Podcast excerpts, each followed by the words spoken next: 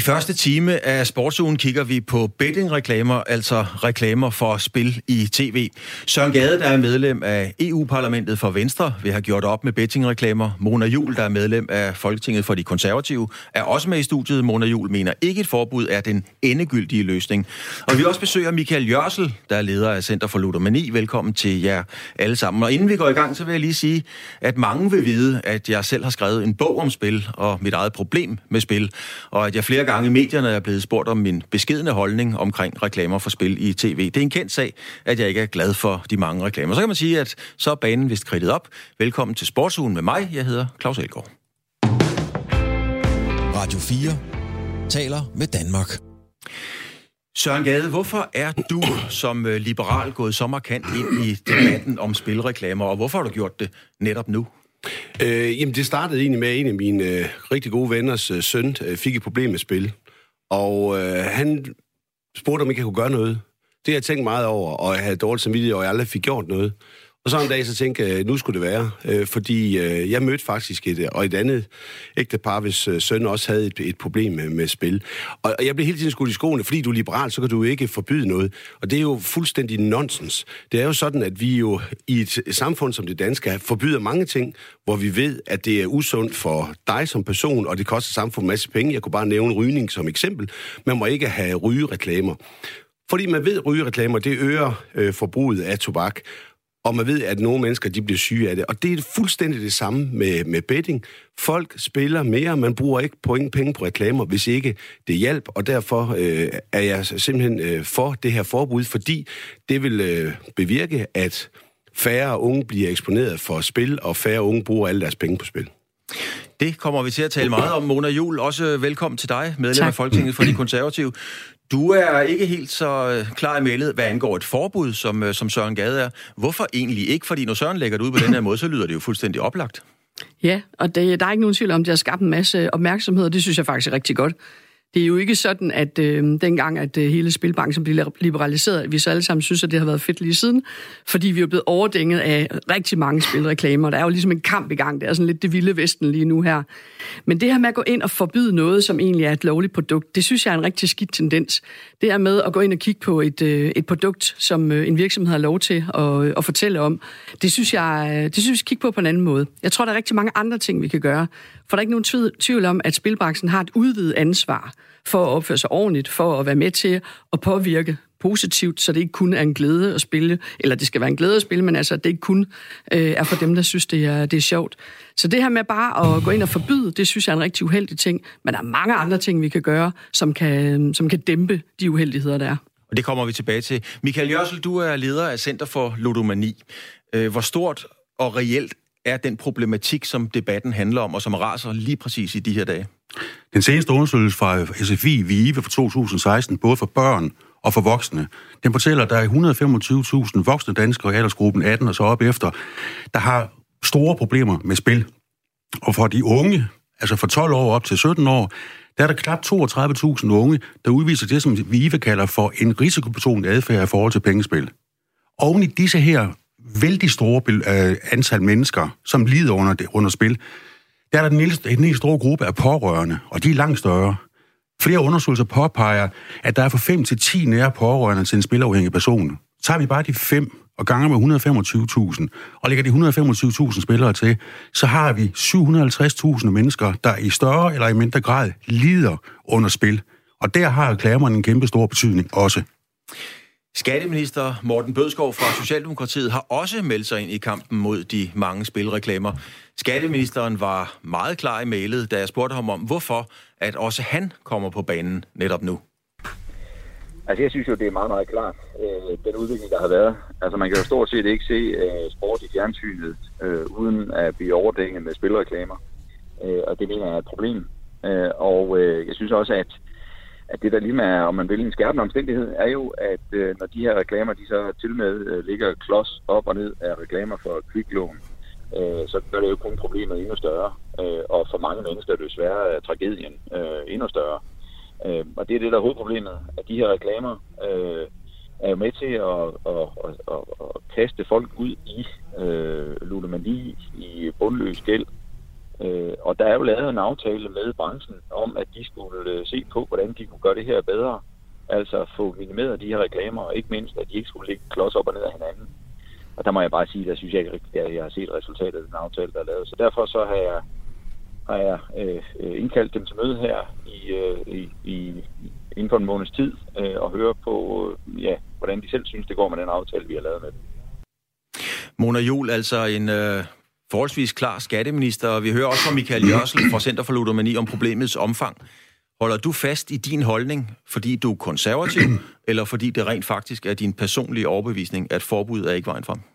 Jamen, jeg tror egentlig, det smelter fuldstændig sammen. Jeg er helt ny i politik, og, og derfor er jeg ikke så partiparoleagtig sandsynligvis.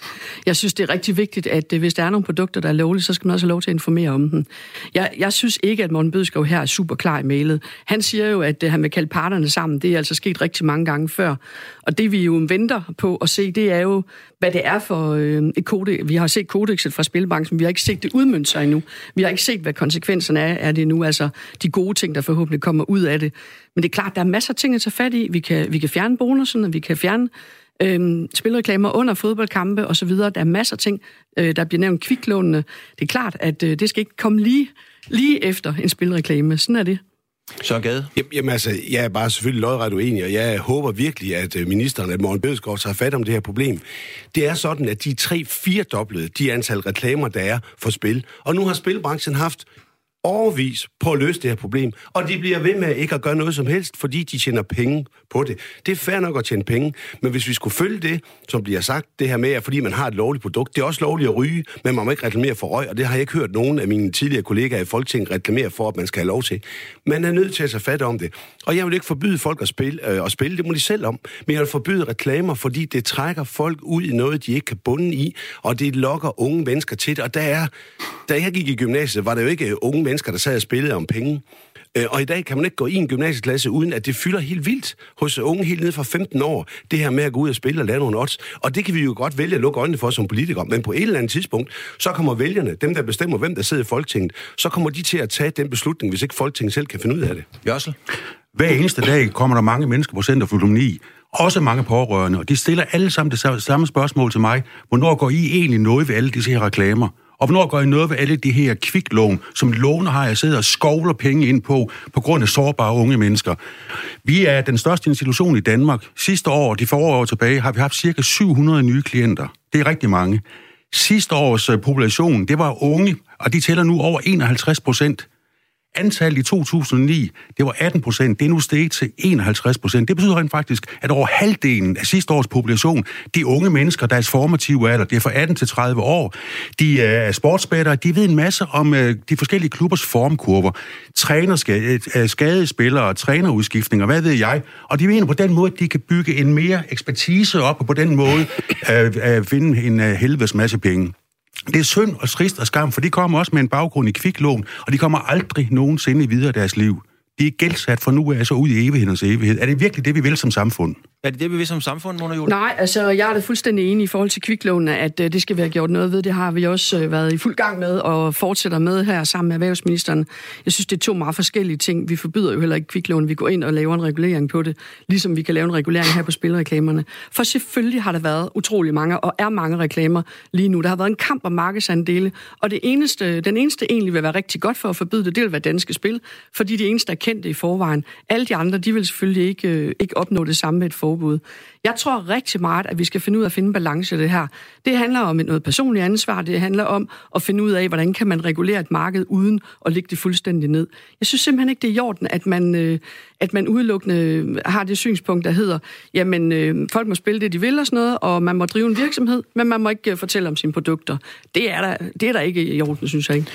Og oh, der bliver virkelig markeret her. Jamen, jeg, helt ærligt, jeg synes, du taler sort. Fuldstændig sort. Ja. Altså, nu tager vi røg igen. Du må gerne sælge tobak. Folk holder ikke op med at ryge, fordi du ikke må Nå, reklamere kan du nævne for tobak. andre produkter, så? Jamen, øh, alkohol, der er faktisk ret mange restriktioner på, hvor er meget du må for- reklamere for. Ja. Fordi man ved, det er usundt for folk. Men det er Men lige også- præcis spil, fordi der sidder nogle mennesker, der tjener så mange penge, at de kan lobbye politikere og alle mulige til at synes, at spil er bare alle tider, så man kan få alle mulige ikke. mennesker til at reklamere for noget, som ikke gør noget godt for folk. For det gør ikke noget godt for folk, at spil øh, og omsætningen på spil stiger og stiger og stiger. Men du har lige selv og, sagt, du er blevet lobbyet på, og selvfølgelig bliver vi lobbyet på for alle mulige brancher Altså, og venner sige og selv, bekendte øh, osv. de familier, der er loppet ja. På mig, det har gjort Ja. et kæmpe indtryk. Jeg synes, du skal prøve at møde nogle af dem. Og Ja. man har jo forbudt reklamer nu i Italien. Man taler om, øh, og man har lavet store restriktioner i Storbritannien. Man taler om at ligestille bettingreklamer med tobaksreklamer i England. Man Så nemlig- den diskussion, som du øh, måske ikke ønsker, den får, finder sted i andre europæiske lande, for man ved og anerkender, at det er et stort problem Man har lige præcis lavet mennesker. reguleringer i England, men man har ikke forbudt det. man og man har snakker om lavet at for, det. forbud i Asien, men det er trods alt et af verdens største spillemarkeder, så er man bare ude og spille sort. Det synes jeg ikke er i orden. Og så, vi har jo alle sammen set Brexit, og så kender vi den der order, order. så vi kalder, vi kalder parlamentet til order. Men, øh, men øh, Michael Jørsel, øh, nu hører du her nogle politikere, som øh, en Søren Gade, som siger, så nu skal der ske noget, og en politiker, som, som synes, det er der slet ikke grund til. Hvad tænker du, når du hører det her? Du står med fingrene nede i sovedagen hver eneste dag 24-7. Ja, som jeg sagde, der kommer rigtig mange mennesker på Økonomi hver evig eneste dag, rigtig mange pårørende. Jeg synes faktisk, at politikerne, spilbranchen, der ikke mindst spilbranchen, skulle prøve at møde nogle af de mennesker, mm. som jeg møder hver eneste dag. Mit bud vil være, at der er ikke én eneste politiker på Christiansborg, der nogensinde har mødt en, en øh, spilafhængig person. Og spilbranchen, de har deres øjne skarpt rettet mod bundlinjen, det skal være sorte tal. Resten er de i princippet mere eller mindre ligeglade med. Der skal sælges kuponer. Inden vi skal videre, så skal jeg lige... øh, Jeg ved godt, du øh, markerede Mona via tid, men jeg skal lige høre øh, dig, Søren Gade, fordi modsat Mona Jul, så har du jo haft mange timer og dage sammen med skatteministeren Morten Bødskov Ja. på, øh, på. Når han bruger vendingen, som vi hørte i det første indslag, øh, så vil jeg spørge spilbranchen, hvordan synes I selv, det går? Hvad mener han, når han har sådan en retorik? Fordi det er jo normalt en øretæve. Ja, det tror jeg sådan set er meget ironisk, fordi øh, spilbranchen, som elsker at klappe sig selv på ryggen, de har gjort ingenting. De har været med til at øge antallet af reklamer, de har været med til at sørge for, at der kommer flere mennesker, der spiller, at de får øget deres omsætning, og derfor der er jeg ret sikker på, at det er rimelig ironisk, det som øh, ministeren siger her. Og jeg kender Morten Bjørskov godt nok til at, at vide, at han bekymrer sig faktisk om de mennesker, det går ud over. Så jeg er, jeg er som venstremand er jeg fuld af fortrøstning for, at øh, det er en socialdemokrat, der kommer til at gøre noget ved det her problem. Det har vi jo åbenlyst ikke ville gøre i de år, vi havde magten. Mads Peter Vejby skal I møde nu. Han er medejer af Spil Nu og var faktisk en af de første, eller den første, til at få en spillicens, da markedet krævede en sådan. Mads Peter Vejby mener ikke, at et forbud mod spilreklamer er vejen frem, selvom man kan godt sætte sig ind i hele problematikken. Men grunden til, at jeg siger, at det er en øh, dårlig idé, det er, at når man sidder og kigger på sådan et marked, og sidder og kigger på øh, primært tv, så sidder man og regner efter noget, der hedder share of voice, altså hvor meget annoncerer vi. Og typisk så er det så dem af dem, der annoncerer mest, de er også dem, der får de fleste kunder. Og lige nu, eller det har der været siden 2012, hvor markedet det blev liberaliseret, så har vi haft et fuldstændig, kan man sige, monopoliseret marked, der nu er ved at prøve at blive fordelt ud på en række bredt aktører. Så derfor er der rigtig mange, der lige pt. er aggressive og vil annoncere rigtig meget. Og det samme så man også med telereklamer for 10 år siden. Hvorfor er det så en dårlig idé at forbyde spilreklamer? Jo, men det er det, fordi vi gør en lang række tiltag. Vi har faktisk en rigtig god øh, hvad hedder det, licenslovgivning i Danmark, som er forbillede for rigtig mange steder rundt omkring i Europa. Når jeg er i London og holder foredrag omkring den danske model, så får den stor ros fra alle sider internationalt omkring den måde, vi håndterer vores spil, den måde, man kan oprette sig i Rufus, altså i register for personer, der er spilafhængige, så de ikke alene udelukker sig på vores side, men på alle andre licenserede sider. Og hvis det er, at man forbyder os at reklamere på tv, jamen så vil der jo ske det, at kunderne vil blive øh, eksponeret i større grad over for nogle produkter og nogle udbydere, som ikke har en dansk licens, og som ikke overholder alle de her krav. Og så mener jeg bare, at så står vi altså i en, øh, en ret ugunstig situation, og så yder vi ikke den beskyttelse, som, øh, som vi gerne vil, og som var hele ideen med at lave det her licenserede marked. Michael Jørsel, Mads Peter Vejby mener, at der bliver taget mange øh, forbehold, sådan så spillere, der er på vej ud i det, vi kalder risikozonen, eller måske næsten er helt derude, at de kan nå at stoppe i tide. Er du enig i den betragtning? Nej, det er jeg bestemt ikke. Jeg tror, at han sagde til allersidst, vi skal beskytte spillerne. Var det ikke det, han sagde? Vi beskytter spillerne. Jo. Det gør der lige nøjagtigt det modsatte. Ja. De pumper den ene spilreklame ud efter den anden. Godt sekunderet af kendte mennesker. Tidligere fodboldspillere, øh, skuespillere, stand-up og hvad ved jeg, fordi det er med til at segmentere. Det her, det er altså noget, som er godt at være med til. Og spil, det skal være i sin grundessens. Sjovt, sket, spændende og underholdende. Men når alle disse her reklamer kommer, mere eller mindre morbide reklamer, så synes jeg æder med, det er for meget. Søren Gade, du, øh, jeg skal lige fortælle lytterne, at mm. da du hører indslaget med Mads Peter Vejby, du rystede på hovedet. Man kan ryste på hovedet sådan lidt opgivende. Du rystede på hovedet meget vredt. Hvorfor det? Jamen det, det er fordi, det, det lyder jo helt fantastisk. Men hvis alt det, der blev sagt i det indslag, var rigtigt, så skulle vi jo ikke have et stigende antal ludomaner i Danmark. Så skulle vi ikke have et stigende antal unge mennesker og ældre mennesker, som havde et problem med spil. Det lyder jo flot på papiret, men i virkeligheden, der er der bare sket det, at der er flere afhængige, spilafhængige danskere i dag, end der var for fem år siden. Og det kan sådan en, en, en fi, et fint lille øh, søds øh, indslag, det kan det ikke lave om på, og vi er nødt til at forholde os til fakta. Og det nytter ikke, at vi som politikere siger, at det lyder også rigtigt, og der er det der Rufus og Christer, og alt det er godt. Vi er nødt til at gå noget ved problemet, og problemet er, at spilreklamer, det giver flere ludomaner i Danmark, om vi kan lide det eller ej. Mona Jul øh, Gade siger, at man skal forholde sig til fakta. Det har vi hørt noget af her. I din optik, skal man overhovedet ikke bruge penge og tid på, på forebyggelse og oplysninger, eller er det bare individets eget ansvar? Men selvfølgelig skal vi bruge tid på det. Men jeg synes også, der er meget lang vej fra at, at have sådan... Øh, hvad kan man sige, et, øh, et fuldstændig... Øh, det er jo meget populistisk lige nu at sige, at vi skal forbyde det hele. Det kunne jo være, at vi rent faktisk kunne beholde noget af det, og finde ud af, hvordan vi så samtidig kunne hjælpe dem, der kommer i uføre på det. Altså, jeg synes, det er for, jeg synes, det er for nemt, når Søren han siger det på den måde. Mm. Synes, at, øh, og jeg synes, det er for nemt, at jeg begge to faktisk at sige det her med, jamen, man skal kende nogen og sådan. Det ved I da ikke en bønne om, om jeg kender nogen, der er i spilproblemer. Jeg synes, det er noget rod at, at altid tage udgangspunkt i, at man kun vil varetage en bestemt branche, fordi man har det synspunkt. Jeg tror, det er rigtig vigtigt, at vi får fundet ud af, hvad vender op og ned på det, og så finde ud af, hvad vi skal gøre ved det. Det er enormt nemt bare at gå ind og sige forbud, forbud, forbud.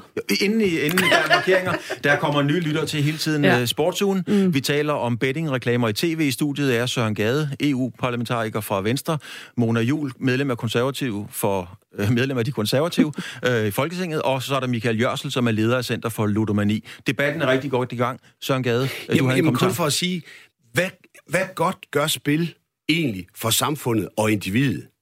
Kan du stave til 0? Og når spil ikke gør noget godt for samfundet og individet, hvorfor så reklamere for det? Det er jo det resonemang, vi brugte på tobaksreklamer, og det kan vi gøre fuldstændig analog med spil. For det gør ikke noget godt for nogen, og jeg får ikke forbyde folk at ryge eller at spille, men man kan jo lade, prøve at sørge for, at der kommer flere ud i både røg og spil, og det gør ikke noget godt, og derfor er det for mig som liberal ikke svært at forbyde noget, som ikke gør noget godt for nogen. Men på alkohol har vi jo netop fundet en god balance på det, synes jeg. Der har vi ikke forbudt reklamer. Vi har sagt, at det skal være under visse konditioner. Vi synes, det skal være på en fornuftig måde. Der kan man også sige, gør alkohol noget godt for samfundet? Altså, der må man så lige give den over til dig, Michael Jørsel, som igen har fingrene ned i det hele tiden. Øhm, det lyder jo fornuftigt, hvad Mona Jul siger, altså nogle restriktioner, noget oplysning osv. Er det ikke nok? Altså? Vi har de sidste 10 år mindst forestået store nationale forebyggelsesmæssige kampagner til forskellige segmenter af det danske samfund. Socialsektoren, sundhedssektoren, folkeskolen, de videregående uddannelser, fængselsvæsenet, jeg kunne blive ved. Og, og det er rigtigt, at der er øh, nøglen til at komme videre i det her problem, vi står og snakker med, det er information, information, information. Fuldstændig rigtigt, og du har da ret, Mona. Jeg kan da ikke vide, om du har mødt en spilafhængig eller ej, men havde du, virkelig, så kunne det jo være, at dit, dit indgang hertil ville være bare en lille smule mere anderledes. Og der må jeg så spørge dig, Søren, er dit syn på det her, nu startede du selv med at mm. sige, at du ligesom havde fået, om ikke personlige aktier i det, men nogle, nogle tættere personlige oplevelser. Mm. Har du ændret dit syn på det her problem, siden du er kommet så tæt på det personligt? Ja, for da jeg, for jeg skrev min, mit blogindlæg, og så til i dag, der har jeg læst i hundredvis af desperate, mange af dem kan vi jo selv gå ind og læse på min Facebook-side, jeg har også fået mange private øh, mails, fra desperate forældre og pårørende, mm. og fra unge mennesker, som gerne vil stå frem og fortælle deres historie, fordi de er ude i noget, de ikke kan komme ud af, og forældrene har prøvet igen og igen og igen at hjælpe nogle af de her mennesker. Og det har i hvert fald bare gjort, at hvis jeg synes, det var trist før, på grund af min oplevelse med min gode kammerat, så er jeg endnu mere inde i et modstander af spilreklamer i dag, med de mange personlige beretninger, som jeg har fået, og det gør ondt helt ind i hjertet at, at læse det. Og jeg har to øh, børn. Det kunne have været mine børn, som var spilafhængige, eller mine øh, svigerbørn, som var, var spilafhængige. Og jeg ville jo gøre alt, hvad jeg kunne for at hjælpe dem ud af det. Men det, det kan man jo ikke, når samfundet bare siger, jamen prøv at, gør du bare det, men vi sørger for, at de får 1300 spilreklamer i hovedet hver eneste døgn. Så chancen for, at du kan hjælpe dem at få dem ud af det, den er lige med. Det jeg bare rigtig godt kunne tænke mig også, at vi fik diskuteret det her. Hvad, hvad, hvad har den erfaring givet dig, Søren, til at kunne øh, finde på nogle andre ting? også til dig. Altså, hvad er det ellers, vi kan kigge på? Fordi jeg synes jo, det er sådan lidt, jamen det er bare spillen, øh, spilreklamerne, slut med det, og så er alle, alle problemer løst. Der må der være andre ting, der har været årsagen til, at folk øh, er faldet ned og blevet ludomaner, øh, at der ja. er forældre, der står her. Altså, hvad er det for nogle andre underliggende årsager, de, der er de til andre det? ting, det er jo antallet af reklamer. Altså, når det er, når det er 3-4 doblet på 3-4 år, så det gør det jo kun for at få nogle flere kunder ind i butikken, og det er sådan set sjovt nok lykkes. Det er derfor, at Michael han har flere ludomaner, fordi der bliver reklameret mere for spil. Det er jo ikke atomfysik, det her. Det Så der er ikke andre årsager? Jamen, altså, spørg lige en virksomhed, om de reklamerer og bruger penge på reklamer, uden der er en effekt, og den effekt, den skal være større end den krone, de putter i det. Men sådan de, er, de kæmper sådan jo det markedsandelene lige nu her, det er klart. Det er nemlig, øh, ja, jeg ved ikke, om det er klart, Michael Jørsel, du reagerede også med et ryg i kroppen. Ja, det gjorde det, fordi reklamernes inderste væsen, det er at stimulere mm. og motivere folk til at begå en given adfærd. Og spillebranchens hensigt med spilreklamerne, det er at få folk til at spille mere og mere, så de taber mere og mere, så de får større og større afkast. Og det større og større afkast, det er kommet år efter år efter år. Sidste års BSI, bruttospilleindsigt, altså det betyder, hvor meget taber danskerne, når gevinsterne er trukket væk, og når administrationen, og hvad ved jeg, er trukket væk. Det var 9,7 milliarder. Knap 10 milliarder. Det er cirka steget, når jeg går tilbage til 18 og til 17 og til 16, så er det cirka steget med 500 millioner om året. Det er, en, det er en rasende god forretning. Og meget af den bygger op på, at der kommer flere og flere reklamer, så altså også lige 1300 i døgn. Der kan måske komme flere til, mens vi står her. Er det virkelig, virkelig, virkelig det, vi vil? Det er unge, vi ser. Og hvis jeg nu bliver ved de unge og bliver vores population, så øh, i tal for 2018, der var der, at de knap 700 havde en tredjedel overvejet at sætte deres eget liv og en fjerdedel har begået økonomisk kriminalitet, for at skaffe sig fornyet kapital til at kunne fortsætte med at spille. Jeg spørger igen nationen, er det virkelig det, vi vil? Og inden øh, vi går videre med næste indslag, så for nye lyttere præsenterer lige panelet igen. Det er Michael Jørsel, leder af Center for Ludomani. Det er Mona Jul, medlem af Folketinget for de Konservative. Og så er det Søren Gade, medlem af EU-parlamentet for Venstre. Lige nu, der snakkede vi om reklamer, spil og penge, øh, og det er det, der handler om. Danske Spil er jo en af de helt store udbydere omkring bettingreklamer, men de mener nu heller ikke, at forbud er den rigtige vej. Det siger i hvert fald Nils Erik Folmand, der er administrerende direktør for Danske Spil Licens. Jamen et fuldstændigt forbud, synes jeg, for det, for det første synes jeg, det er svært at håndhæve, hvis det, hvis det kun gælder tv. Hvad gør man så på sociale øh, kanaler som Facebook eller YouTube? Altså hvordan, hvordan får vi så en regulering der? For jeg tror ikke, at, at det rækker kun at gå øh, tv-vejen. Øh. Og så vil jeg sige, for andre lande, eksempelvis Italien, hvor man har haft det, der ser man jo en vandring over mod nogle udbydere, som ikke er en del af licenssystemet. Og det vil sige, at de heller ikke er underlagt den samme regulering, som vi er, øh, os der har en spilletilladelse i Danmark eller en tilladelse til at udbyde vedmål. Øh, og så, så frygter jeg, at man går over på nogle øh, .com-sider, som, øh, som i virkeligheden ikke er under den kontrol, som man ønsker. Jeg er mere fortaler for, at vi finder nogle øh, begrænsninger på det her felt, og starter med fløjt til fløjt, men i virkeligheden finder nogle begrænsninger i stedet for et totalt forbud. Fordi jeg frygter i virkeligheden bare, at markedet skubber sig over i en retning, som vi ikke ønsker. Vi vil meget gerne regulering med lige betingelser for alle licenstagere, men øh, et totalt forbud, det tror jeg ikke kommer til at løse problemet. Danske Spil mener altså ikke, at øh, forbudsvejen er den rigtige. Og et af argumenterne er kontrol, altså opsyn med, med spillerne, som Niels Erik Folman siger det. Nu skal I møde Susanne Petersen. Susanne Petersen er lektor. Hun forsker i marketing på Universitetet i Aarhus, og sådan er uvildig part i sagen. Men hun føler sig på ingen måde overbevist om, at de her advarsler, der bliver talt om i reklamerne, har nogen effekt. Altså, for eksempel cigaretter, brug af cigaretter, altså der står advarslen jo ikke bare med småt, det står med stort. Altså hvis man virkelig gerne vil ryge, så kan du jo sagtens se forbi de der ting. Og jeg tænker, det er lidt det samme med, med spil, og det samme som det er med kviklån. Altså, folk sætter sig jo ikke til at læse det igennem, øh, de her ting med småt, inden de starter med at spille. Øh, og hvis man på et tidspunkt får brug for hjælp, altså, så det kræver også, at man selv erkender, at man har et problem, før man handler på det.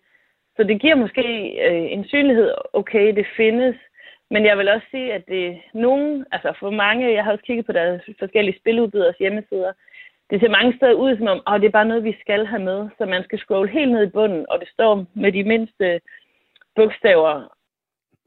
Michael Jørsel, øh, du har ved flere lejligheder beskrevet det her spilmarked, bettingreklamer for sport i tv, som det vilde vesten. Hvad mener du med det? Jamen altså, 12-1300 reklamer i døgnet. Det er en markant progression set i forhold til før vi fik den, der, den nye danske spillelov 2012. Og det, er, på, det, det fortsætter åbenbart. Det er jo en tsunami, der skyller hen over danske land, og det rammer især de unge. Unge i deres formative alder fra 18 til 30 år. Og går vi ned og kigger på de unge fra 12 til 17 år, der er der knap 32.000 jævnfør i VIVE fra, fra 2016-undersøgelsen, som øh, udviser en risikobetonet adfærd i forhold til pengespil. Og er de 15-17-årige drenge, der har knap en tredjedel af dem prøvet at spille pengespil flere gange i måneden. De burde ikke kunne gøre det, det er ikke lovligt at gøre det, men alting kan lade sig gøre, hvis det er det, man vil. De bliver med andre ord introduceret til spil, inden de fylder 18 år. Når de så fylder 18 år, så kan de spille videre, og så er de i gang med det. Så jeg frygter rent faktisk, at den store andel, vi ser på Center for 51 procent af den samlede population sidste år, unge i aldersgruppe 18-30 år, at den bliver yderligere øget. Søren Gade? Jamen, jeg vil bare sige, at øh, det, der sker ude på nettet i øjeblikket, det er jo, at de store firmaer, de gemmer jo data for de folk, der sidder og søger på nettet. Og det betyder, at man kan gemme de data på unge, for eksempel mellem 12 og 15. Og så når de bliver 2-3 år ældre, så kan man lave målrettet, ligesom man kan lave skræddersyet medicin til syge mennesker, så kan man lave skræddersyede reklamer til folk, der har et uh, spillergen i sig. Og så er de bare hugt allerede, når de bliver 18 år. Og der er også nogle af firmaerne, de holder sig ikke for gode til at reklamere mod folk under 18 år. Så vidt jeg ved, så er der et dansk spilfirma, der er blevet politianmeldt for at rette uh, spillereklamer mod folk under 18. Så det, der er jo ikke der er jo ikke meget selvjustits. Nu kunne jeg bruge det andet ord. Nu siger jeg så selvjustits i den branche. De kunne jo, de har jo ikke engang vist, at de vil noget. De, de sidder bare og siger, at den dag, der går godt, den gør os jo rigere, så vi læner os bare tilbage, og så håber vi på, at de der politikere, de, nu diskuterer det i den her uge, og så, så glemmer de nok det i næste uge, sker noget andet, så, så er de glade dage tilbage igen. Det håber jeg ikke den her gang. Mona Jul, altså et marked ude af kontrol, i hvert fald i forhold til, hvad Michael Jørsel siger. Mm. Et marked, hvor etikken er flosset i forhold til en mm. forsker, øh, og vi har lige hørt, hvad Søren Gade siger. Er mm. det ikke argumenter, som mm. kan få dig til trods alt at, at rykke din opfattelse af et forbud? Altså, det er jo ikke sådan, jeg sidder og siger, at vi ikke har et problem. Jeg sidder ikke og siger, at øh, det spilbranchen øh, kommer med nu her, at det er helt fantastisk. Altså, det er jo enormt svært at spørge dem selv, hvordan og hvorledes, fordi de har ikke, øh, de har ikke lyst til at komme med de løsninger, som vi andre gerne vil kigge på. Jeg synes jo, at det, det handler om, det er jo at få reguleret de ting, som vi allerede nu kan se. Det er jo rigtigt, som du siger, Søren, man kan jo lave fodspor online, og dem kan man bruge i alle mulige sammenhænge. Mm. Og det er vi jo nødt til at tage hånd om. Det er klart.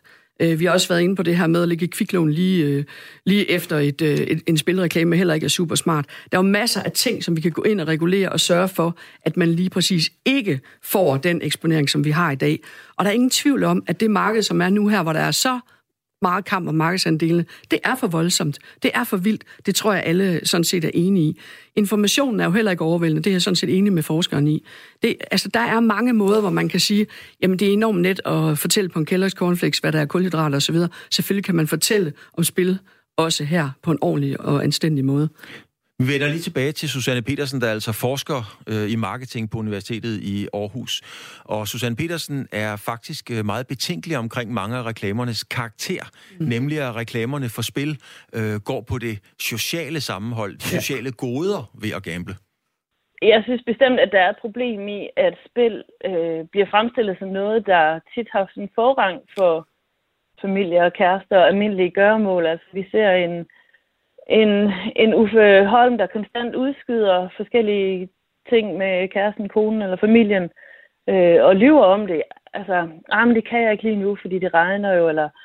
Altså, der er hele tiden, hele tiden noget, øh, han siger nej til, for at kunne få lov til at spille.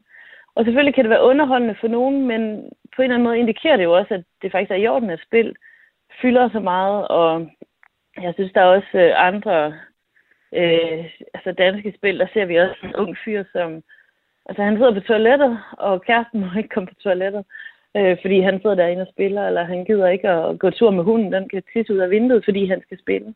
Og tit så står der sådan en eller anden altså, forundret, forarvet, lidt sur kvinde på sidelinjen, og jeg synes bare, det bidrager til, at, der, altså, at det på en måde bliver gjort lidt sjov med. Og det synes jeg faktisk også sådan rent etisk er et problem. Øh, og det kan måske også gøre det sværere at håndtere for dem, som har problemer med at styre spillet. Altså, de får ligesom bare flere argumenter, som de kan forsvare sig selv med. Så det synes jeg, der er et problem. Michael Jørsel, øh, de får bare nogle flere argumenter, som de kan forsvare sig med. Hører du de argumenter hos dem, der kommer ned øh, på Center for Ludomani, at der er mange undskyldninger for, hvorfor man er blevet ludoman eksempelvis? Overhovedet ikke. Det er folk, der kommer desværre for sent. Øh, var det bare kommet noget før, om de kommer, med så må sige, når alle brugere er brændte for at skaffe sig fornyet kapital, for at kunne fortsætte med et spil, i håbet om at bare vinde nogen de tabte penge hjem igen, som de for dagen med, de virkelig ikke har råd til at tabe. Så øh, de argumenter synes jeg ikke. Altså, det er fortvivlende at se deres nød død og det er alt det, og deres forældre står og græder. Altså, jeg synes virkelig, virkelig, virkelig, at der skal gøres noget ved det her. Derfor er jeg fortæller for et forbud mod reklamer, fordi spillebranchen har notorisk ikke kunne gøre noget ved det. Så kommer der så et adfærdskodex nu.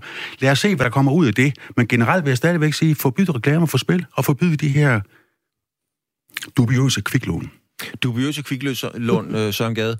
Øhm, man kan vel ikke man kan diskutere, om de er etisk på kanten eller ej, men, mm. men spiludbyderne agerer jo inden for en given lovsætning. Øh, ja. Og det er jo dig, så vidt jeg husker, har Venstre jo også haft magten en gang. Præcis. Øh, og der skete jo ikke... Jeg mener, det ser jo stadigvæk sådan her ud. Jamen, altså, jeg kan da godt øh, stå og sige her, at jeg kan da fortryde, at man liberaliserede spillelovgivningen dengang. Det var et bredt, stort bredt flertal i Folketinget. Og det vi ser nu, det er, at det har fået tusindvis af nye folk i kæmpe problemer og i gæld, de aldrig kommer ud af. Og det er da et ansvar, som vi må tage på os som politikere. Og hvis vi har gjort en fejl tilbage dengang, vi liberaliserede spillemarkedet, så må vi jo lave den fejl om og så må vi jo sørge for, at vi får stoppet, øh, hvad skal vi sige, antallet af nye spillere og nye unge, der kommer ud i problemer, de aldrig nogensinde kommer ud af. Det er jo derfor, man vælger nogle politikere. Man behøver jo ikke at, man kan godt være liberal og så øh, have et stort hjerte for folk, som har det svært. Og ved at forbyde reklamer for spil, så vil der de facto blive færre, der bliver spilafhængige. Det er en ting, der ligger helt fast. Mona Jul, hvad siger du til det? Altså, du er under hårdt angreb. Ja, men vi er sådan set bare uenige om, hvordan vi skal regulere det. Øh, de to herrer vil gerne forbyde det, jeg vil gerne regulere det. Og det behøver jo ikke at betyde, at jeg er mere koldhjertet end de to herrer her. Jeg synes, det er, jeg synes, det er alt for meget på spidsen på det. Jeg forstår præcis, hvad der er, der sker. Jeg forstår godt, øh, at vi står over for en meget alvorlig situation. Men vi har en rigtig god... Øh, tendens, eller hvad hedder sådan noget, en tradition for, at vi øh, i Danmark er rigtig gode til at regulere, i stedet for at gå ind og lave forbud og lovgive. Og det kunne jeg bare rigtig godt tænke mig, at vi kom til bunds i, og diskuterede det i stedet for, fordi det er selvfølgelig enormt nemt at sige forbud, og så er vi over det. Så, så er vi forbi det punkt der. Men der er masser af ting, vi kan gøre. Der er online reklamer over for sårbare grupper, og vi kan begrænse på tv og så videre. Jeg synes, der er masser af muligheder. Også fordi der, vi laver jo spil hele tiden. Altså, det er jo ikke kun på tv, at, øh, at vi, kan, vi bliver animeret til det. det kan, man downloader måske en app på sin telefon, og så er man i gang med, så skal man måske købe nogle dyr for at kunne øh, komme videre i spillet og det ene og det andet. Der er jo masser af ting, som vi skal huske at have med i det her. Men Mona, der står på side 1 i håndbogen for mm. damage control, at man kan ikke informere sig ud af et problem. Er det ikke lige præcis det, du sidder og gør nu? Nej, det er det bestemt ikke. Jeg siger, at vi skal gå ind og regulere og sørge for, at vi ikke kommer til at, at attakke øh, massivt på sårbare grupper. Det er det, jeg siger. Og jeg tror, det er rigtig vigtigt, at vi får kigget på, hvor er det, at de store udfordringer er. Og det er jo på bonusreklamerne, det er på, øh, på når det er under kampe, og det er, og Liverpool spiller jo lige nu, og det er jo i forbindelse med, øh, at, at man får kviklåns øh, tilbud øh, samtidig, ikke? Sådan. Jeg tror, det kunne være sjovt, hvis øh, man fik lavet en undersøgelse blandt, man kunne tage gymnasielærer og handelsskolelærer, og så kunne de jo prøve hver at give og spørge, om der er nogle unge af dem, de er, har øh, som elever, der har et problem. Og jeg tror, man bliver overrasket over, hvor meget spil fylder ude på ungdomsuddannelserne i dag. Radio 4 taler med Danmark. Det kan man øh, godt sige, at Radio 4 gør lige i øjeblikket ved at besøge Søren Gade fra Europaparlamentet og Venstre, Mona Jul fra Konservative og Folketinget, og Michael Jørsel, leder af Center for Ludomani. Vi taler om øh, spilreklamer. Nu skal I, øh, nu skal I høre øh, Mads Peter Ejby igen, som altså er medejer af Spil Nu. Mads Peter Ejby mener reelt ikke, at problematikken om afhængighed er så voldsom, som øh, det i øvrigt bliver fremlagt her i studiet. Der er øh, 0,35 procent, altså 99,65 procent af alle danskere, er ikke spilafhængige, har ikke et problem med spil. Så det siger ikke, at vi ikke skal gøre noget ved det, men det er også bare lige for at sætte i relief om, hvor, i hvilket omfang er det, at vi har et problem. Og vi har i mindre grad end Sverige, Finland og andre lande problem med det her, men vi skal selvfølgelig tage det alvorligt. Jeg mener, at den bedste måde, vi gør det på, det er ved, at vi laver nogle undersøgelser omkring, hvad er det, der får folk til at komme ud i spilproblem? Er der nogle, øh, er der nogle symptomer, vi skal være særligt opmærksom på? Michael Jørgensen siger til mig, at det er primært unge mænd, der er i, i, i risikogruppen for at komme øh, på, på spilproblemer. Der kan være andre ting, der spiller ind. Der kan være nogle mønstre, nogle ting og sager. Og dem kan vi altså kun fange, hvis det er, at vi opererer på et, øh, et licenseret marked, og vi ligesom gør nogle tiltag og rækker ud til de her kunder og kontakter når man siger, undskyld, kammerat, tror ikke, det var en idé, at du lige prøvede at, at tage en, en vurdering på din, øh, din, din adfærd omkring spil? Michael Jørsel, altså 0,3 procent, siger Mads Peter Ejby, Vejby, som i øvrigt han har fået oplyst af dig, efter hvad han fortæller. Det er jo ikke noget voldsomt tal, så kan man ikke sige, at Mads Peter Vejby har en pointe i, at den her debat måske er kommet ud af proportioner? Jeg må lige rette en lille fejltagelse. Jeg har ikke kommet med tallet 0,3 procent til Mads Peter Vejby, det har han selv fundet ud af. Men jeg vil gentage mig selv for tidligere nu, en gang til over for, for, for at spille numanden. Øh, vi taler om 125.000 voksne mennesker i aldersgruppen 18 og så op efter. 125.000. Vi taler om langt flere pårørende. og vi taler om unge. Altså, vi nærmer os de 800.000, så kan Mads Peter Vejby sidde og skrive 0,3 procent på hans pakro med guldpen, lige så meget han vil. Det, det batter ikke noget. Det her det er et kæmpe problem, og det har nogle afledede følgevirkninger overfor deres, de pågældende personers sociale liv, de familie, familiemæssige relationer og de arbejdsmæssige relationer. Og det er som der er lige nu, over halvdelen, det er unge mennesker, som risikerer aldrig at komme videre i deres liv. Det er unge mennesker, som er, gik i gang med at studere i København øh, på en læreplads. De var som sagt sportsinteresserede, og de spillede for langt mere, end de kunne. Så begyndte de at tage kviklån, og de kviklån blev til flere kviklån for at betale de første penge ud, og lige pludselig står de med en kæmpe gæld. Kreditoren, de er efter dem hele tiden, og de har, de har droppet det hele. Kæresten er gået. Den andelsbolig, som skulle have været sådan noget, blev aldrig sådan noget. Det barn, de har talt med, de måske skulle til at have nu, det blev heller ikke sådan noget. Og de flyttede hjem til deres forældre. Altså igen vil jeg sige, er det det, vi som nation vil, så kan Mads Peter Vejby sætte et eller andet sted i Aalborg, som en, hvad han mener vil. Jo, der sidder en lige ved siden af dig, nemlig Mona Jul, mm. som du kan også mene, hvad du mener vil, Mona. Mm. Det er en ordentlig Men til gengæld tur, så er jeg ikke udbyder Nej, men alt. det er en ordentlig tur, du får hævet ned om ørerne her. Ja, men altså, det er jo også alvorligt. Altså, det er der jo ikke nogen, der øh, fornægter på nogen som helst måde. Det er jo super alvorligt, når man står, og man er kommet af med halvdelen af sin familie, og man har en gæld resten af sit liv, og man har smadret sit liv. Sådan er det jo også øh, med stofmisbrug og andre misbrugsformer, ikke? Så står man selvfølgelig meget, meget træls og alvorlig situation. Det er der ikke nogen tvivl om. Og det skal vi selvfølgelig som samfund hjælpe med og se, om vi kan afbøde.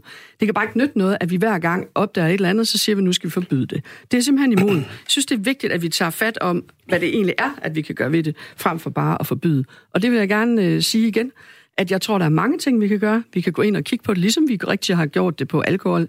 Vi kan kigge på det i forhold til, hvordan vi netop ikke rammer så sårbare, og især de unge, som jo helt tydeligt er, er hårdt ramt her. Søren? Jamen nu er det sjovt, du lige nævnte stofmisbrug. Jeg har jo ikke set, at vi har reklamer for hverken øh, has eller heroin eller kokain, for det ved vi sådan sjovt nok, at det er nok en dårlig idé. Det er jo måske, fordi produkterne er ulovlige. Jo, men øh, man kan faktisk godt lave et forbud mod produkter, der er ikke er ulovlige. Der vender jeg bare tilbage til cigaretter. Jeg kan simpelthen ikke forstå, at det er så svært øh, at lave et forbud mod reklamer for spil, som trækker folk ud i øh, ulykke og øh, øh, evig gæld. Øh, der er jo ikke tale om, at jeg vil forbyde nogen at spille. De må spille øh, det, de vil, og jeg... Øh, så det er ikke den vej, jeg vil, men jeg vil bare have, at man anerkender, at reklamer får flere mennesker ud i spil, og flere mennesker ud i spil giver flere klienter over på Ludomanicenteret, og det ønsker jeg simpelthen ikke. Jeg ønsker sådan set, at øh, uh, Ludomanicenteret bliver arbejdsløs uh, hellere i dag end i morgen. Mm. Det er jo det op til dig, Jørsel. Det er jeg meget enig i. Det vil da ønske, det var sådan. Men altså, lige nu ser det ikke ud til, til at tendensen er sådan der. Jeg synes, man skal sige endnu en gang med henblik på, på det, vi har hørt fra industriens side, at uh, der er minimum tre grunde, eller tre parametre for, at uh, herre for Danmark, de spiller mere og mere. Og desværre flere og flere unge. Det ene er, at der kommer flere og flere spil på markedet. De bliver mere og mere målrettet bestemte segmenter, og i takt med, at der kommer flere og flere spil på markedet, er der jo altså en sandsynlighed for, at der er flere og flere mennesker, der bliver spilafhængige. Det andet parameter, det er tilgængeligheden. Altså for nogle år tilbage, en del år tilbage, der skulle vi gå ud fra vores bolig og vores lejlighed og gå hen på det pågældende spillested for at spille. Nu har vi alle sammen smartphone, en laptop, hvad ved jeg, og vi er på døgnens 24 timer. Så tilgængeligheden, det er døgnåben 24-7-tilbud. Og det sidste, det er marketing for spil. Altså, det er alt overvældende. Og det eneste marketing gælder, det er at få flere og flere til at spille, så, så spillefirmaer kan tjene flere og flere penge. Ellers var det det vel, for, så var det der sikkert ikke. Og lægger vi de tre parametre sammen, så har vi måske en begyndende indikator for, hvorfor at der kommer flere og flere mennesker, der får spillemæssige problemer i Danmark. Søren Gade, er det her i virkeligheden et eksempel på en sag, hvor der nogle gange, hvor der går politik i den, frem for at kigge på et reelt problem? Altså, jeg, jeg, jeg, nu er jeg jo selv som vestjyde, jeg er faktisk svag optimist den her gang.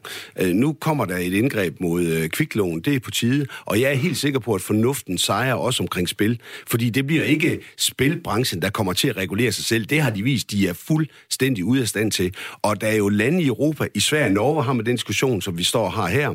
I Storbritannien har man gået ind med svære restriktioner for spil, og man diskuterer, om man skal øh, lige stille spilreklamer med alkoholreklamer, man har forbudt i Italien. Så uanset, øh, at der måske ikke er et, et øh, flertal for øh, mod spilreklamer i øjeblikket i Folketinget, så er den her diskussion kommet for at blive, og jeg tror på, at spilbranchen, de kommer til at se sig selv om ikke forbudt deres reklamer, så reguleret benhårdt i Europa de kommende år. Fordi det er det, herre fru Danmark, herre fru vælger vil i Europa, fordi det er deres børn, det går ud over.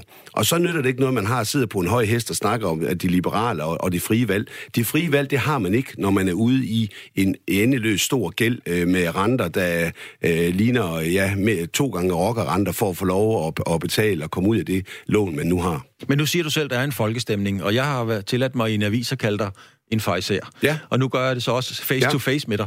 Er det ikke lidt fejseragtigt, og, og lige pludselig, når man mærker, der er en folkestemning, nu, nu er folk trætte af det her, mm. så kommer alle til håndvasken, og nu skal det forbydes. det- jeg synes, det er fint, du kalder mig fejser. Jeg står og siger, at, at der er en ting, vi gjorde forkert i Folketinget, så var det at liberalisere spilreklamerne. Jeg vil gerne være med til øh, at liberalisere spil. Jeg vil gerne være med til at gøre den fejl øh, god igen. Jeg blev hårdt ramt af, at en af mine rigtig gode venners søn havde et stort øh, øh, problem omkring øh, spil. Jeg lovede at gøre noget ved det, det fik jeg ikke gjort. Jeg skriver et indlæg, og jeg får endeløs rækker af henvendelser efter det indlæg. Det berører mig dybt. Det er personlige, hvad hedder det, fortællinger. Og derfor er jeg, hvor jeg er i, i dag. Og jeg vil blive ved med at have den holdning, der hedder, at reklamer for spil bør forbydes, for det gør ikke noget godt for nogen. En kort kommentar, Mona. Jeg håber på, at vi kan få gjort noget ved spilreklamerne og ludomani ved at regulere markedet, ligesom vi har været rigtig gode til på mange andre ting. Vi kender ikke konsekvensen af det italienske forbud nu, men vi kan se, hvad der er for nogle ting, der virker i England, og det tror jeg, vi skal læne os op af. Sportsugen med Claus Elgaard. Lyt med hver søndag kl. 18.05. Og det er så den, vi er i gang med nu. Vi skal lige tilbage til skatteminister Morten Bødskov fra Socialdemokratiet. Han lægger altså op til restriktioner omkring bettingreklamer i tv. Bødskov trækker sin holdning op igen, men han vil ikke svare konkret på spørgsmålet, om det skal være et total forbud mod øh, reklamer for spil. Jeg tror, jeg tror, det handler om, at man kan jo se meget tydeligt, øh, hvad de negative konsekvenser også er af det her. Altså, at øh, jo altså virkelig mange havner i problemer som følge af øh, spil og gambling og, og, øh, og, og de her kviklån. Øh, og kombinationen af de to ting i reklamer, øh, der brager ud i ansigtet på folk, når man ser sport på visse tv-kanaler, har jo bare vist sig at være øh, en ufattelig giftig cocktail. Øh, og, øh, og det er vi nødt til at kigge på. Øh, og, og derfor så, øh, så er det som sagt, at jeg har indkaldt dem til møde, øh, og øh, vil tage en drøftelse med Folketingets partier om, hvad kan vi så gøre for at få det her stoppet. Og noget af det, vi kommer til at kigge på, det er også, hvad man gør i andre lande. Øh, fordi Danmark er jo ikke det eneste land, der har det her problem. Så vi kommer til at se bredt på det, og det er der, hvor jeg siger, at jeg er åben over for alle idéer, som kan få det, forvente den her udvikling. Og bare for at forstå det rigtigt, her til sidst, øh, Bødskov, en af alle idéer kunne være det her totale, altså nul-tolerance. Vi vil ikke have det i vores fjernsyn overhovedet. Kan du udelukke et totalforbud? Jeg kommer til at se øh, på alle øh, gode idéer til, at vi kan få det her ned, og, øh, og derfor så øh, er jeg åben over for alt. Øh, I første omgang så har vi givet branchen muligheden for selv at vende udviklingen, og det er det, jeg tager fat på først. Det er der lavet en bred aftale om, og så vil vi høre, hvordan de selv synes, det går. Og så efterfølgende så tager jeg en drøftelse med folketingspartier om, øh, hvad vi så yderligere kan gøre. Og det var altså et bondet interview med vores skatteminister, øh, Bødskov, Morten Bødskov. Michael Jørsel, øh, jeg synes, jeg fornemmer på, hvad du har sagt de foregående 47 minutter. Du kunne godt tænke dig et totalforbud? Ja, det kan jo kunne jeg stadigvæk. Jeg tror ikke på, at branchen selv kan finde ud af det ganske enkelt. De har haft mange forsøg, de har prøvet det rigtig mange gange, og det, der sker, det er, at der kommer flere og flere reklamer, der kommer flere og flere spilafhængige personer, de bliver yngre og yngre. Mona Jul, i din optik, der er et uh, totalforbud i sagens natur. Ikke på tale, det har vi, uh, det har vi forstået. Men, men nu har vi som sagt været i gang tre kvarter. Du har ikke rykket dig endnu, eller har du? I forhold til at lave strammere restriktioner, og måske lave et forbud? Jamen, jeg går ind for stramme restriktioner. Jeg går bare ikke ind for at forbyde ting, som er, som, øh, er et lovligt produkt. Jeg synes, det må være...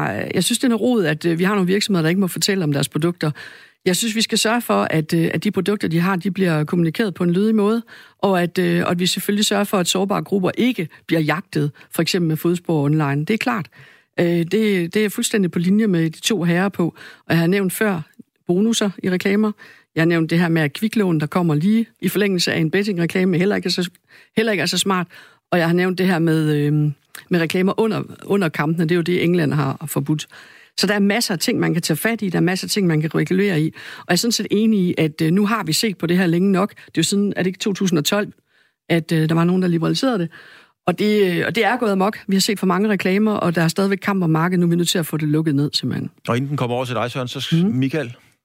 Om det er jo det med, med kviklån en gang til. Altså, øh, indtil videre er det sådan, at øh, de stadigvæk består med de her øh, fuldstændig sindssyge renter, som folk ikke kommer ud af. Nu kommer der så en regulering, og det er jeg rigtig glad for. Både på egne vegne, på centers vegne, men så sandelig mest en dels på de mange unge mennesker, som angiveligt ikke kan få et lån. De kan jo låne en bøjet femmer, når de skal kreditvurderes, og den kreditvurdering har ikke fundet sted på noget tidspunkt. Derfor er det blandt andet også gået græsat. Og de renter, som de her kviklåneselskaber, lånehajer har, de er jo så øh, fuldstændig ude af proportioner med den virkelige virkelighed, at selv en siciliansk lejermor vil rødme af skam over de renter. Og det bringer vi ind, fordi at mange af dem, der kommer ned til dig, som har spillet mm. på sport, de har også taget kviklån. Men det er vi helt enige om, Michael. Altså, det, det tangerer jo rockerrenter. Ja. Altså, det er der ikke nogen tvivl om, og derfor kommer der også til at være et bredt flertal for at gøre noget ved kviklån, når det er i fuld gang. Faktisk har vi forhandlinger allerede på fredag her. Men, men Søren Gade, jeg, jeg står og tænker på, er det ikke underligt, at man har et produkt, som man gerne må sælge, men du vil ikke have, at man reklamerer for det? Mm, det synes jeg ikke. Altså, jeg har også øh, i mange år øh, reklameret for, at man skal fjerne cigaretter fra hylderne, lægge dem under kassen. Jeg har reklameret for, at cigaretter de skal væk. Der skal være en helt neutral øh, øh, pakninger, og der skal være en betydelig højere pris. Og det har jeg, fordi rygning det er usundt. Jeg vil ikke forbyde at ryge, men jeg vil gøre, at der er så få mennesker, der ryger så få cigaretter som overhovedet muligt. Og det er fuldstændig det samme. Øh, den holdning, jeg har til cigaretter, den har jeg også til spil. Det er noget af det, som øh, jeg vil prøve at gøre, og det vil jeg gøre sammen med mine to rigtig gode kollegaer fra Europaparlamentet, øh, Christian Schaldemose fra Socialdemokratiet og Morten Helvig fra De Radikale. Vi vil prøve at se, om vi kan få lavet en høring på Christiansborg, hvor vi selvfølgelig vil se på, hvad muligheder er der faktisk for at regulere det her i Europaparlamentet.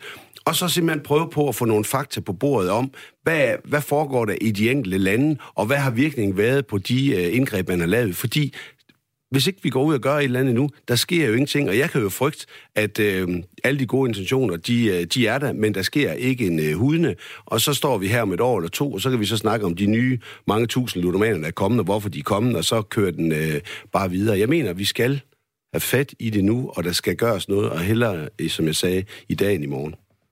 Ja, det var Michael Jørgensen kort først. Jeg er fuldstændig enig. Altså, reklamer for tobak, det er blevet fjernet for lang tid siden, og heldigvis er godt for det, fordi tobak dræber. Man kan vel ikke i direkte overføre betydningen sige, at spillereklamer dræber. Altså, som jeg nævnte tidligere, sidste års population, knap 700, en tredjedel at de havde, havde forsøgt, eller havde overvejet om at tage deres eget liv, og en fjerdedel havde begået økonomisk kriminalitet. Men spil Spil kan jo risikere at dræbe, men spil dræber følelser mennesker imellem. Spil dræber sociale relationer. Spil ødelægger de, de familiemæssige relationer, de arbejdsmæssige relationer. Så jeg kan ikke se anden udvej, end at spil reklamer bør forbydes. Og Mona, du var også lige en kort Ja, i hvert, fald, øh, i hvert fald, når det går galt på spil, for ellers så, man tør jo næsten ikke sige det, men altså, der er jo også nogle ting, der faktisk er ret fede ved at spille. Men, øh, men det tager vi bare en anden dag, tænker jeg. Men det er klart, at der er, jo, der er jo enormt stor politisk fokus på det her, og derfor kommer der jo også til at ske noget. Altså lige så vel som vi kommer til at kigge på kviklånene, øh, rygning, prisen op, vi kommer til at kigge på lattergas og så videre. Altså, der er jo masser af ting i gang nu her, så jeg tænker ikke, at vi kommer til at sidde her om et år igen, og så er det bare ligesom det plejer at være. Hvad er det for nogle fede ting, du tænker på? Ved at spille? Ja. Jamen, det er jo et socialt, øh, et socialt ting også, synes jeg. Altså, jeg, jeg nævner det bare, fordi du siger, at spil øh, gør, at man ikke er social osv., men der er jo masser af spil, der netop er sociale. Jeg spiller selv. Jamen, det gør jeg ikke engang. Jo, jeg altså, spiller jeg selv, fordi jamen, det, det, det er lotto eller ny det er det eneste, jeg kan finde ud af. Og ja. det kunne jo være, at jeg var heldig at vinde et par millioner eller tre, netop på grund af lotto. Men ja. chancen er så uendelig lille, 1 ja. til 8 millioner 347.680, så er der nogle matematikere, der regner ud, at min chance for at blive ramt af et lyn med et højlys dag, den er 10 gange større. Ja. Og jeg gør det alligevel. Men det er da ret uskyldigt. Der er ikke noget galt i at spille. Nej. Der er noget galt i at spille, når det tager overhånd. Præcis. Og der er noget galt i, når de, især ja. de aggressive spil, ja de får lov til bare at fylde og fylde og fylde. De aggressive spil, det er de spil, der er hurtige. Ja. For det øjeblik, du begår den indsats, så du får det resultat, vundet eller tabt, der går det galt. Og når det man tager er om sekunder, men lotto, jeg køber den om onsdagen, kommer om lørdagen, jeg kigger aldrig efter. Og det er klart, at de unge skal vi være ekstra varsomme på, for de har måske ikke den erfaring. Jamen, det har de jo ikke gjort hidtil. Nej, hvis jeg, det skal vi. Søren, du er nødt til lige at bryde ind. ja, hvis jeg bare vil være lidt fræk, så vil sige, så kan jeg jo håbe, hvis man nu regulerer spil, ligesom man regulerer cigaretter, så er jeg sådan set meget godt tilfreds. okay, så nu øh, kan vi jo roligt sige, at vi har hørt en uh, masse partsindlæg øh, mm. her fra studiet. Nu skal I lige høre Susanne Petersen igen, og skal lige rise op, at Susanne Petersen forsker altså i marketing på Universitetet i Aarhus. Og jeg har simpelthen spurgt Susanne Petersen tidligere, om der efter hendes opfattelse, altså hendes helt upartiske opfattelse, er et problematik omkring øh, metodik, omkring meto- øh, moral og etik, når det handler om bettingreklamer. Altså det synes jeg jo bestemt, øh, der er, fordi man kan jo se, hvor mange, altså jeg læste lige på Ludomalini, hvor mange der egentlig søger hjælp, og vi ved, der søger hjælp er dem, der har kendt problemet. Så der må også være rigtig mange, som ikke har kendt problemet, og det giver jo, øh, altså, kan give nogle voldsomme konsekvenser økonomisk, socialt osv. Og jeg synes, at vi har en branche, der bør tage større øh, ansvar. Øh, og der kan lovgivning også hjælpe. Det, det tror jeg på. Mona Jul, du har en øh, fortid som direktør i reklamebranchen, ja. og du har også siddet med i, øh, i sammenslutning og så videre øh, ja. udvalg. Så du ved noget om reklamebranchen. Det bliver øh, mig ind, ja. Øh, her har vi en forsker, som jo i den grad giver udtryk for, at det er en branche, hvor etik og moral øh, måske halter rigtig, rigtig meget. Mm. Øh, hvad, hvad gør det af indtryk på dig? Altså, er det ikke også noget, man skal ind og kigge på? Jamen, der er ikke nogen tvivl om, altså, øh, vi, vi elsker at have reklamer, ikke? Det, det har jeg også holdt mange, mange indlæg om det er, ikke, det er helt sikkert, at vi synes, det er hyggeligt, når de underholder, og det er sjovt, og det ene og det andet. Men selvfølgelig er der ingen, der markedsfører sig bare for at underholde lidt, eller det skal være hyggeligt. Det er jo præcis, som Michael siger. Det er jo, fordi man gerne vil have nogle kunder i butikken, ellers er der ikke nogen grund til det. Og selvfølgelig har den her branche et udvidet ansvar, fordi deres produkter kan have en negativ effekt, som vi jo så har hørt her også øh, mængden af. Og derfor skal vi jo ind og regulere hårdere, for branchen har ikke løst det af sig selv. Men jeg er også nødt til at påpege, at den seneste øh, ting, de har arbejdet med i sommer, så har vi jo slet ikke set effekten af heller ikke. Og så kan man sige, det kan heller ikke være, det kan være, at der ikke kommer nok effekt ud af det. Ergo må vi jo så gå mere til den, ikke? Sådan må det være. Søren Gade, nu har du et par gange fortalt, at du har fået en øjenåbner i form af nogle personlige, mm. tætte oplevelser mm. omkring spil og ludomani. Skammer du dig lidt over, eller er du forundret over dig selv, at du egentlig ikke sådan helt fagligt har været opmærksom på det tidligere? Jamen altså, dengang, at Folketinget øh, bredt øh, valgte at liberalisere spil, jamen der var der jo øh, der var masser af argumenter og gode grunde øh, for det. Men det er jo sådan i livet, at det øh, man leves og forstås øh, baglæns. Altså, øh, jeg, jeg synes, at de de negative følgevirkninger, der var ved det, de er store, og jeg synes, at vi skal, øh, vi kan ikke spore film tilbage, men vi kan jo sørge for at fjerne øh, nogle af de incitamenter, der gør, at folk begynder at spille og blive spilafhængige. Og det er jo også politikere, der har det ansvar, og jeg var så med til at træffe den beslutning dengang, sammen med et bredt flertal, og jeg synes, det var set i dag, hvor det var en forkert beslutning, og det må vi rette op på. Og det nytter ikke noget, vi lader spillebranchen lave et lille tiltag og sige, nu skal vi have 14 år til at vurdere, om det nu virker, og så om 14 år kan vi sige, nej, det virkede ikke, så nu laver vi et nyt, og så kommer der en lang periode igen. Det skal være her og nu, og det er ikke om 14 år eller om et år. Det er nu, vi skal gå ind og tage det øh, ansvar, mener jeg. Øh, og jeg anerkender fuldstændig Monas ret til at være dybt uenig med mig, men, men øh, jeg har bare lagt mig fast på det her spor, og det er jeg endnu mere sikker på, at jeg øh, efter alle de personlige beretninger, jeg har hørt, så er jeg helt sikker på, at, øh, at det laver jeg ikke om på. Michael Jørsel, når du har hørt det her i dag, vi har en øh, skatteminister, som melder forholdsvis klart ud. Mona Jul er ikke helt enig, det var klart, men han melder ud. Vi har tre højprofilerede politikere, vi har en Søren Gade, vi har en Schaldemose, vi har en Helve, som siger, nu skal der ske noget. Du har stået i det siden, ja, hvornår? Starten af 90'erne. Er det noget, der giver dig anledning til at tro på det denne her gang? Jeg har længe ønsket, at øh, der var, vi havde sådan en prætorianergarde blandt øh, journalister, der fra dag til dag til dag til dag fulgte op på den her problematik, for den er jo den ikke ny. Der var masser af reklamer før 2012, da vi fik den nye lov, og der er kommet endnu flere til efter den to, efter 2012. Det er blevet øh, Wild West, det er blevet den stærkeste kamp ud alle. Så jeg tror, vi har et momentum nu, og jeg håber og tror på, at vi er kommet så langt på så kort tid, jævnfører blandt andet Søren Gades øh, blog, både omkring kviklån og omkring øh, forbud mod reklamer, at jeg tror på, at vi, vi får nogle ændringer lige nu. Om det så bliver til det forbud, som jeg ønsker mod reklamer, det ved jeg så ikke, men det kan være, der kommer så kan klare og skrabe restriktioner, som, som kan hjælpe de klienter, som vi ser på selvøkonomi. Og jeg betragter mig selv som en slags øh, øh, bannerfører for, at de klienter, som vi ser, som en sanden er ude i en rigtig, rigtig, rigtig dårlig situation, at de får nogle bedre vilkår. Og igen må jeg sige, øh, politikerne, øh, du, Mona, øh, pressen og andre, har jo ikke set de her personer her, men vi ser dem hver evig eneste dag, og vi ser deres pårørende. Derfor skal det have været opråb til, at nu bliver vi altså ved med at kæmpe den sag igennem. Nu får vi restriktioner på kviklovene. Lad os få nogle markante, massive restriktioner på reklamer for spil ligeledes. Vi har to meget til aller, aller sidst meget modige politikere herinde. Dels har vi øh, Mona Jul, som, øh, som, som går imod folkestemningen, og vi har en, øh, en Søren Gade, som går ud som liberal og beder om nogle forbud. Søren, ganske kort, jeg formoder, at du har ikke fået flidspræmien i Venstre for at komme med den holdning. Nej, altså, det skal ikke nogen hemmelighed. Der er helt sikkert øh, en del af mine kollegaer i Folketinget, som er træt af de øh, lyde, jeg, jeg siger her. Men øh, hvis jeg skal være tro mod mig selv, så, øh, så er jeg nødt til at fastholde, at der skal være det her forbud mod øh, reklamer. Og det synes jeg, vi skylder de mange unge mennesker og deres familier, som er i kæmpe problemer. Og Mona Jul, øh, du går imod folkestemningen, og det er dem, du skal have dine stemmer fra. Ganske modigt også. Hvorfor gør du det? Jamen, jeg tænker ikke så meget over folkestemmen. Jeg tænker over, hvad jeg synes er rigtigt. Altså, øh, jeg, jeg, jeg, jeg ved rigtig meget om ludomani også. øh, selvom at det, det, det helst skal lyde, som om jeg ikke gør det, men det gør jeg faktisk. Men jeg ved også noget om, hvordan man skal regulere et marked, og jeg synes faktisk, at det er forkert at gå ind og lave et forbud, og derfor tillader jeg mig at sige det. Men det er jo ikke ens betydende med, at jeg ikke vil regulere det. Det har jeg sagt 100 gange, og det vil jeg blive ved med. Når nu at øh, Søren han laver den her konference, så glæder jeg mig til at smide en rigtig mange gode idéer på banen, så det ikke ender med et forbud, men en masse reguleringer. Det var den første time af Sportsugen. Vi har talt om bettingreklamer i tv. Tak til Søren Gade, medlem af Europaparlamentet for Venstre. Tak til Mona Jul, folketingsmedlem for De Konservative. Og tak til lederne Center for Ludomani, nemlig Michael Jørs. Efter nyhederne kommer Erik Rasmussen Trylrik i studiet sammen med Jonas Brønd Nielsen, der er sportsredaktør på Jyske Vestkysten. Vi skal tale om Mathias Sanka, politiske bud